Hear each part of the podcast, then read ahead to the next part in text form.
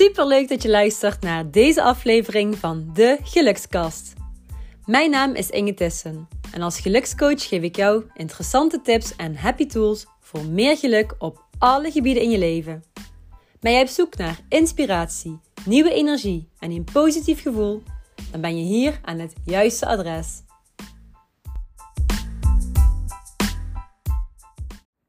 Hey lieve lieve mensen, super leuk dat jij luistert naar weer een nieuwe aflevering van de enige echte gelukskast. En dit keer vanuit de studio, vanuit de slaapkamer van ITIS Coaching. En ja, het is ook echt zo, ik ben nog niet heel lang wakker. Ik denk een half uurtje. Het is nu negen uur en het was me wel een bewogen weekend. Vandaag is het zondagochtend. Ik lig helemaal alleen in bed. Ik ben überhaupt alleen thuis, want mijn vriend is het hele weekend de deur uit, is met de mannen naar Maastricht voor een trainingsweekend. Tussen aanhalingstekens trainingsweekend. Want het is natuurlijk ook een heleboel gezelligheid en ehm, op stap gaan en dat soort activiteiten. Ehm, ja, het is een bewogen weekend omdat mijn vriend Sven, die was dus vrijdag jarig. Dit hebben we nog niet kunnen vieren, want hij had dus het uh, trainingsweekend.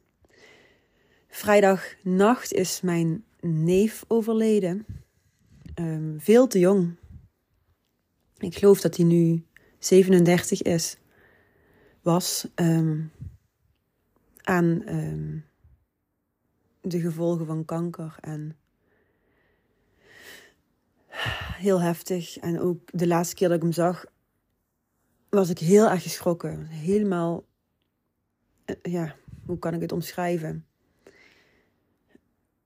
Um, uitgemergeld. Um, ook de kleur van zijn huid super grauw. Um, maar zo, er was niks meer van over. Ik herken hem ook eigenlijk niet meer. En daar ben ik heel erg van geschrokken hoe zo'n ziekte je letterlijk kan opvreten. En hij was heel sterk. Hij had een ontzettend sterk hart. En ja, is toch, is toch heel heftig. En zeker voor ja, natuurlijk zijn partner en zijn ouders en zijn zus. Ehm. Maar dit is weer de confrontatie. Ja? Net zoals ik ook ja, een tijdje, een paar maanden terug vertelde over mijn oom. Het is natuurlijk, het hoort bij het leven, maar kijk, als je, zoals mijn oma, 95 wordt en dan in je slaap rustig inslaapt dat, dat zou ik eerlijk gezegd zelf wel fijn vinden. Maar als je een jaar aan het vechten bent. En eigenlijk nog gewoon een leven voor je hebt. Dan. Uh, ja, dan vind ik dat altijd toch een, een soort ander verhaal. Ik heb er dan een ander uh, gevoel bij, persoonlijk. Ik spreek helemaal voor mezelf. En de keerzijde van het leven is dat er dus uh, vannacht um, een babytje is geboren. En um, dat is dan het, uh, het dochtertje van mijn, mijn broertje en uh, zijn vriendin. Iva. en dus ik, mocht dan weer tante zijn. Nou ja, voor de vijfde keer tante geworden. En dat is dan echt weer de keerzijde van het leven. Hoe het kan gaan. En Ah, het is ook zo mooi. Het is voor mij nogmaals een uh, heel bewogen weekend. Ik weet ook helemaal niet hoe het nu is met Iva. Ik kreeg een berichtje en het is. Uh, ik heb ook teruggestuurd van bel me als, uh, als jullie zin en tijd hebben. Ik kreeg twee foto's met allemaal plakkertjes, waar ze plakkertjes op zich hadden. En ik wist dus ook niet hoe het met Maxine was. En het zijn wel ook van die onzekere momentjes eigenlijk. Um, want ik schrok dus van de, de plakkertjes op Iva. Maar goed, ik heb geen idee. Misschien betekent het helemaal niks. Maar dat zijn dus. Ik, ga eigenlijk door een uh, heel erg uh, intense rollercoaster van allerlei emoties. En um, gisteravond ben ik nog eventjes de deur uitgegaan met drie vriendinnen. Mijn uh, ja, echt vroegere vriendinnen van de Pabo waar ik nog steeds leuk contact mee heb. We zien elkaar niet heel vaak, uh, één keer in zoveel tijd. En um, ja, zij zijn ook alle drie in verwachting op dit moment. Dus dat is dan, ja, waar de een gaat, ontstaat weer nieuw leven. En heel dankbaar dat zij alle drie ehm, ja, in verwachting mogen zijn. En ook dit, jongens, het gaat niet zonder slag of stoot. Ik ken genoeg verhalen van. Hè, ehm, natuurlijk dat het de eerste keer meteen uh, raak, en, raak is en goed gaat. Maar ik ken ook heel veel verhalen uh, van mensen um, die heel vaak een miskraam hebben gehad. En nogmaals, het leven gaat zoals het gaat. Um, maar het gaat niet zonder slag of stoot. En soms, ook als gelukscoach zijnde, dan denk ik... Ja, hoe kan het nu dat het bij de een zo makkelijk lijkt te gaan en zo ja, fluitend door het leven lijkt te gaan en de ander heeft alleen maar shit uh, op zijn of haar pad. En dan vind ik het soms best wel lastig om te denken in, ja, waar ik toch wel in denk, in alles is energie en je bent zoals je denkt, dus je trekt aan wat je uitzendt. Um, want dan denk ik, ja, heb je nou echt die ziekte? Heb je dat echt aangetrokken? En dan weet ik, als ik weer naar mezelf ga, dat ik vanuit mezelf kan spreken. Nogmaals, ik ben nu mijn mening aan het delen. Dat ik vanuit mezelf kan spreken. Dat ik um, bepaalde dingen echt wel heb aangetrokken. Zowel in negatieve zin als in positieve zin. Kijk maar terug, denk maar weer aan het verhaal uh, over reumatoïde artritis. Toen ik 20 jaar werd, heb ik die ja, fucking chronische ziekte gekregen. En ik dacht, wat overkomt me? Mijn wereld stortte letterlijk in. En, en misschien herken je het wel. Misschien heb je ook wel nu uh, last van een, een, chronische ziekte of bepaalde kwaaltjes waarvan je denkt: ja, maar godverdorie, potverdikkie. Waarom moet mij dit overkomen? Waarom heb ik deze uitslag in mijn gezicht? Waarom heb ik constant uh, hoofdpijn? Waarom heb ik deze um, ja, chronische buikpijn? Ik weet het niet, ik noem maar wat. Maar ik ga weer terug naar mijn persoonlijke situatie, want vanuit daar kan ik eerlijk en oprecht vertellen hoe het ging. Ik leefde dus echt op de automatische piloot. Ik ver, ja, verwaarloosde mezelf. Ik at en vrat uh, heel veel fastfood, heel veel ongezonde dingen. Ik zorgde, ja, misschien aan de buitenkant, qua uiterlijk. Ik tutte me helemaal op. Dat heb ik ook jarenlang zo gedaan. Make-up en dan die dikke eyeliner. En ik weet nog dat ik heel vaak commentaar kreeg, of nog commentaar, opmerkingen. Dat vond ik, ja, vind ik achteraf alleen maar super lief.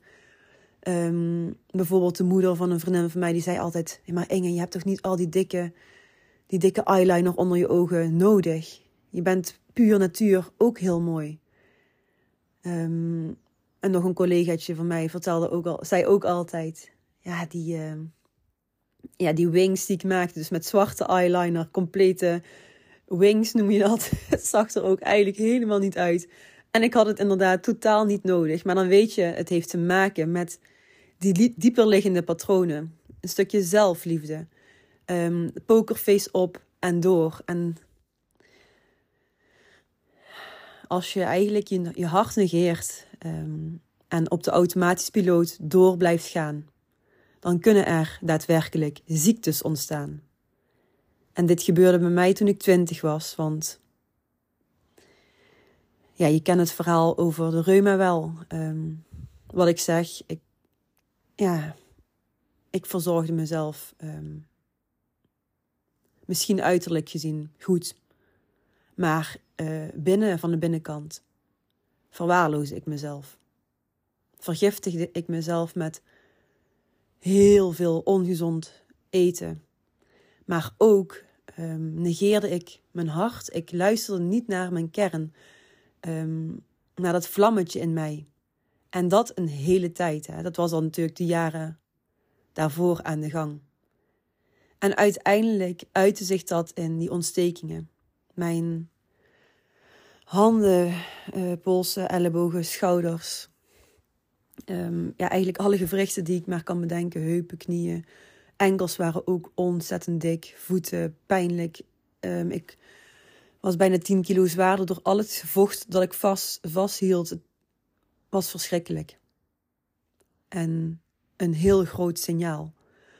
Want dan ga je, dan kom je in die medische molen terecht. En dan wordt er tegen jou als 20-jarige gezegd: Nou, Inge, dit wordt uh, prednison, metotrexaat en voor de rest van je leven aan de medicijnen. En oh ja, mocht je ooit in verwachting willen raken, en daarom raakt het me ook weer het stukje hè, ehm, wat ik vertelde over het zwanger zijn. En ik ben echt heel trots op alle mama's om me heen. Ehm, want ik weet dat het niet vanzelfsprekend is. Um, verdorie, wat een emotionele podcast weer. Toen werd er dus tegen mij als 20-jarig meisje gezegd: Nou, Inge. En als je ooit mama wilt worden, nou, nou. Ja, dan uh, moet je een jaar lang gestopt zijn met je medicijnen. Uh, en weet dat, dat het echt heel veel pijn gaat doen. En ja, er zijn ook mensen die dus kiezen om dan uh, ja, het niet, niet mama te worden. En ja, dan denk je, huh? Als 20-jarige nogmaals, what the fuck, wat is er aan de hand? En alles wat dan vanzelfsprekend leek, is niet meer vanzelfsprekend. Ik weet ook niet waar deze podcast nu naartoe gaat. Ik spreek vanuit mijn hart en ik hoop dat je um, hier inspiratie uit kunt halen en um, een bepaalde wil en kracht uit kunt halen voor jezelf. Um, ja. En ook dus toen, dan ben je twintig. Um, ik zat toen nog op voetbal. Daar moest ik mee stoppen. We hadden nog een vakantie met het gezin gepland om op wintersport te gaan. Gecanceld. Uh, dus ook wel heel lief dat eigenlijk iedereen zei: um, Ja, we gaan met z'n allen niet. Um, daar denk ik nog wel eens over na dat dat wel heel erg lief is, natuurlijk. Dat ze dan ervoor kiezen om allemaal niet te gaan. Um, en dan dus zit je in die medische molen eigenlijk. Elke maandag moest ik een dosis metotrexaat uh, nemen. Elke week dus. Uh, en als ik die dosis nam, werd ik kots en kotsmisselijk. En dat duurde vaak drie dagen. Um, buikpijn. Heel erg laag in energie. Uh, echt denken, wie ben ik eigenlijk? Hoe... Want je voelt een soort verdoving. Um, niet jezelf zijn. En ja, door die troep te slikken kwam ik nog meer van mezelf af te staan. Um, dik, dik gezicht ook. Um, ik voelde me lelijk. Um, en ja, wat deed ik eigenlijk nog? Ik ging wel nog naar school. Uh, maar ook lange tijd was ik niet gegaan. Even omdat ik me natuurlijk helemaal niet lekker voelde. En vertelde ik eigenlijk niemand wat er aan de hand was. Dus ik, ik ghostte, of hoe zeg je dat? Ik verdween eigenlijk even. Van de baboe was dat toen. En um, ja, uiteindelijk heb ik daar wel mijn, mijn lessen uit kunnen halen. Uh, dat blijven communiceren heel erg belangrijk is. Dus je, je gevoelens daadwerkelijk bespreekbaar maken. Dat heeft me toen ook heel erg geholpen uiteindelijk.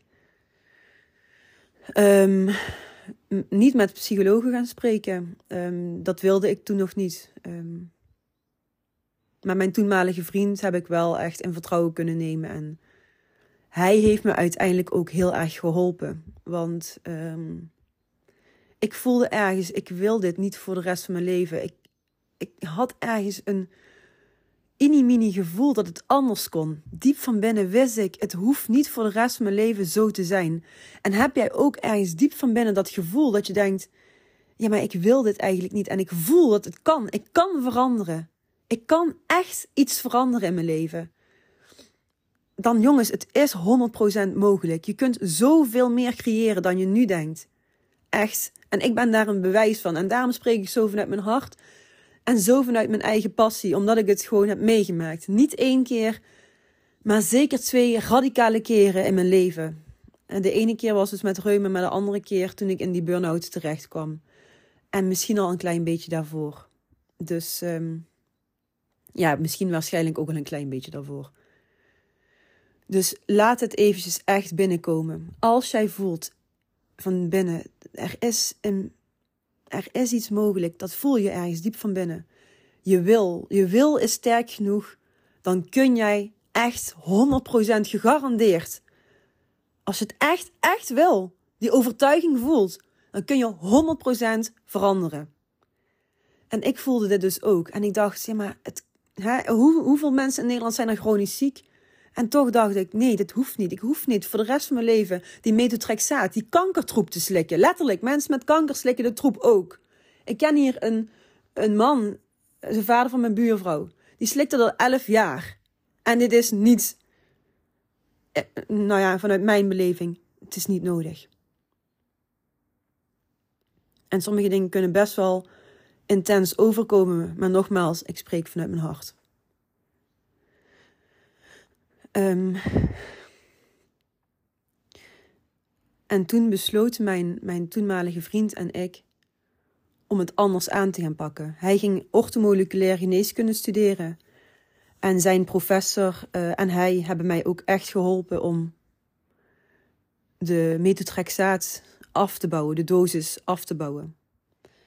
Um, want zij wisten dat er een natuurlijke manier was, natuurlijke ontstekingsremmers waren en een leefstijl omgooien heel veel voor mij zou kunnen betekenen. Ik ging nou ook, ook langs bij Den, Oever um, in Roermond. Een um, ja, super bekwame huisarts um, en homeopaat. En ik kreeg een hele lijst met producten waar ik op reageerde. En nogmaals, ik had mijn voedingspatroon niet aangepast. Ik, ik was op dat gebied, ik leefde en, en at nog steeds heel erg onbewust en dingen die ik lekker vond. Dus het was nog steeds gewoon uh, frietje zuurvlees met een dikke portie mayo. Um, heel veel boterhammen, boterhammen, boterhammen, kaas. Kaas to the max. Ik was echt gek op kaas. Ik vind kaas nog steeds super lekker. Maar het uh, was wel een van de producten waar ik heel erg op reageerde. Smaakversterker E621. Vergif, vergif, vergif voor mij. Mijn uh, reactie was echt heel, heel heel hoog. Dus echt allergisch. Um, melk en nog heel veel andere producten. Denk aan bepaalde noten. Um, bepaalde. Uh, ook fruit had ik, had ik toen ook iets van fruit. Volgens mij banaan, maar dat was echt. Uh, ja, dat, dat kon je verwaarlozen. En dat is nu ook niet meer het geval. Maar goed, in ieder geval een heleboel producten. En ik ben mijn voedingspatroon toen radicaal gaan omgooien, maar ook mijn mindset. Het gaat niet, het is niet als je denkt, oké, ik ga nu mijn voeding, die ga ik aanpakken en dan ga ik mezelf helen, dan ga ik beter worden. Het was meer dan dat, want ik had een mindset gecreëerd, had ik neergezet van, ik ga beter worden. Ik ga en ik voel dat ik beter word. Ik genees mezelf. En hier ben ik dus ook naar gaan handelen. Want het is niet makkelijk, hè, mensen. Misschien wil je wel nu, dus januari, wil je zelf wel um, ook iets gaan aanpakken. Wil je meer gaan sporten? Wil je um, gezonder gaan leven? Dat zijn vaak de goede voornemens. Stoppen met roken is er ook eentje. Maar je moet eigenlijk, je moet, ja, je moet een heleboel. Stap in die identiteit van de persoon die jij wilt zijn. Stap in die versie van jezelf. In die gezonde versie van jezelf. Zoals ik heb gedaan. Ik ben in die gezonde versie van mezelf gestapt. En al mijn keuzes, al mijn handelingen, die waren hiermee um, ja, in lijn eigenlijk. Dus die maakte ik vanuit die toekomstige versie van mezelf. En dit is ook een super grote tip voor jou. Nou, ik ging dus um, mijn voedingspatroon omgooien. Dit betekende dat ik um, ook boterhammen, veel minder boterhammen ging eten. Um, meer gezonde producten, veel meer groenten, fruit. Uh, geen koekjes, snoepjes, fastfood shit, smaakversterkers. Alle dingen waar ik op reageerde, ging ik dus letterlijk verbannen uit mijn leven. Heel, dat was toen wel radicaal en het hoeft voor jou niet zo radicaal te gaan. Maar ik had echt zo'n immense drive, zo'n ontzettende drive om echt te veranderen.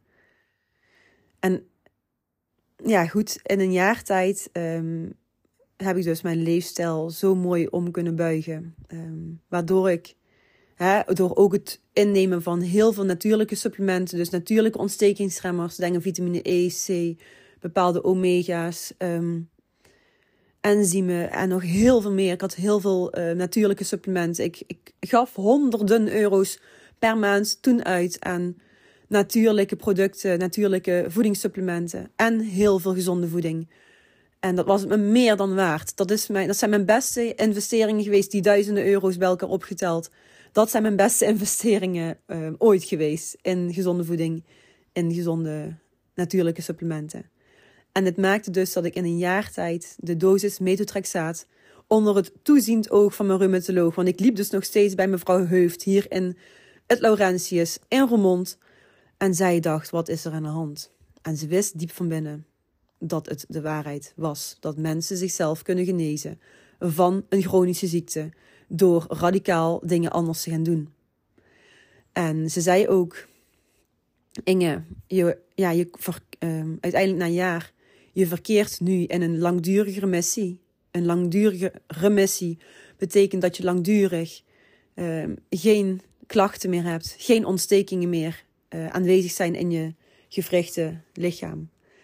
En als je over tien jaar nog steeds in deze toestand verkeert, dan word jij gezond verklaard. Dan kun jij beter worden verklaard. En dan zul je de allereerste zijn in Roermond, want dit is nog niet eerder geweest. En ze zei ook tegen mij: Inge, als iedereen zo beter wordt, heb ik geen werk meer. En die zin is mij voor altijd bijgebleven. Tot op de dag van vandaag kan ik die zo herhalen. Zie ik haar gezicht, zie ik haar uitspraak, um, haar uitdrukking. En dit is nog een uh, dingetje apart. Uh, een categorie op zich natuurlijk, waar we heel erg de diepte over in kunnen gaan. Maar ik hou het eigenlijk nu eventjes bij die verandering. Ik heb mezelf dus weten te helen van wat eigenlijk werd gezegd door de medische wereld. Inge jij zult voor de rest van je leven aan de medicijnen zitten.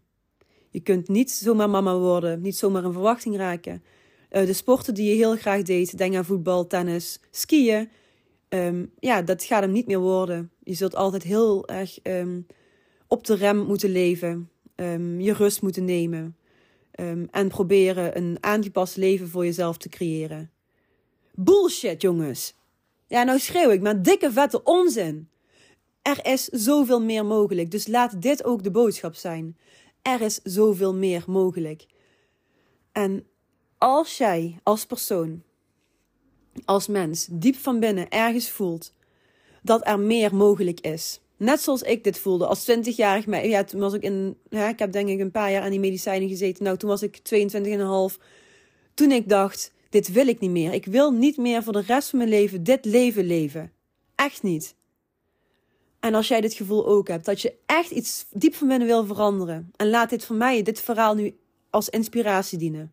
En laat het niet zo ver komen dat jij ook een ernstige ziekte, of in ieder geval een heftige ziekte, um, dat dat jouw confrontatie gaat zijn. Dat dat jouw um, bekering of, of inkeer, inzicht gaat zijn. Laat deze aflevering nu jouw inzichtje zijn. Dat als jij ergens diep van binnen voelt dat het anders zou moeten kunnen voor jou, dat dit 100% mogelijk is. Stap in de identiteit. Stap in die succesvolle en gelukkige versie van jezelf. Hoe zou hij of zij zich gedragen? Welke keuzes zou hij of zij maken die in lijn zijn met die versie die je eigenlijk heel graag wilt zijn. En er is een heel groot verschil tussen iets heel graag willen en daadwerkelijk de actie ondernemen. Want misschien wil je het wel heel diep van binnen. Oh, denk je, yes, ik zou dit en dit willen, willen, willen. Je kunt nog zoveel willen. En inderdaad, verandering, echte verandering, begint met echt willen.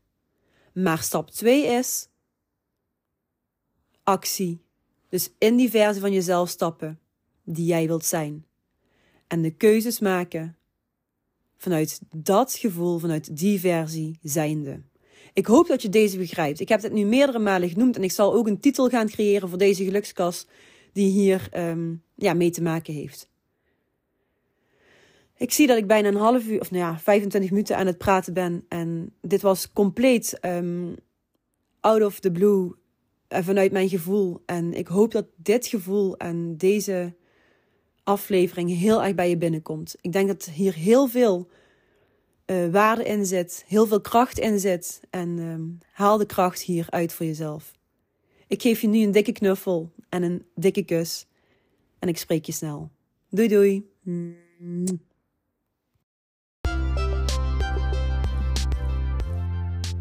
Dankjewel voor het luisteren naar de Gelukskast. Vond je deze aflevering leuk? Delen is natuurlijk super lief en ik zou het heel erg leuk vinden als je een beoordeling achterlaat. Het is een kwestie van sterretjes aanklikken. Dankjewel voor het luisteren en tot de volgende keer.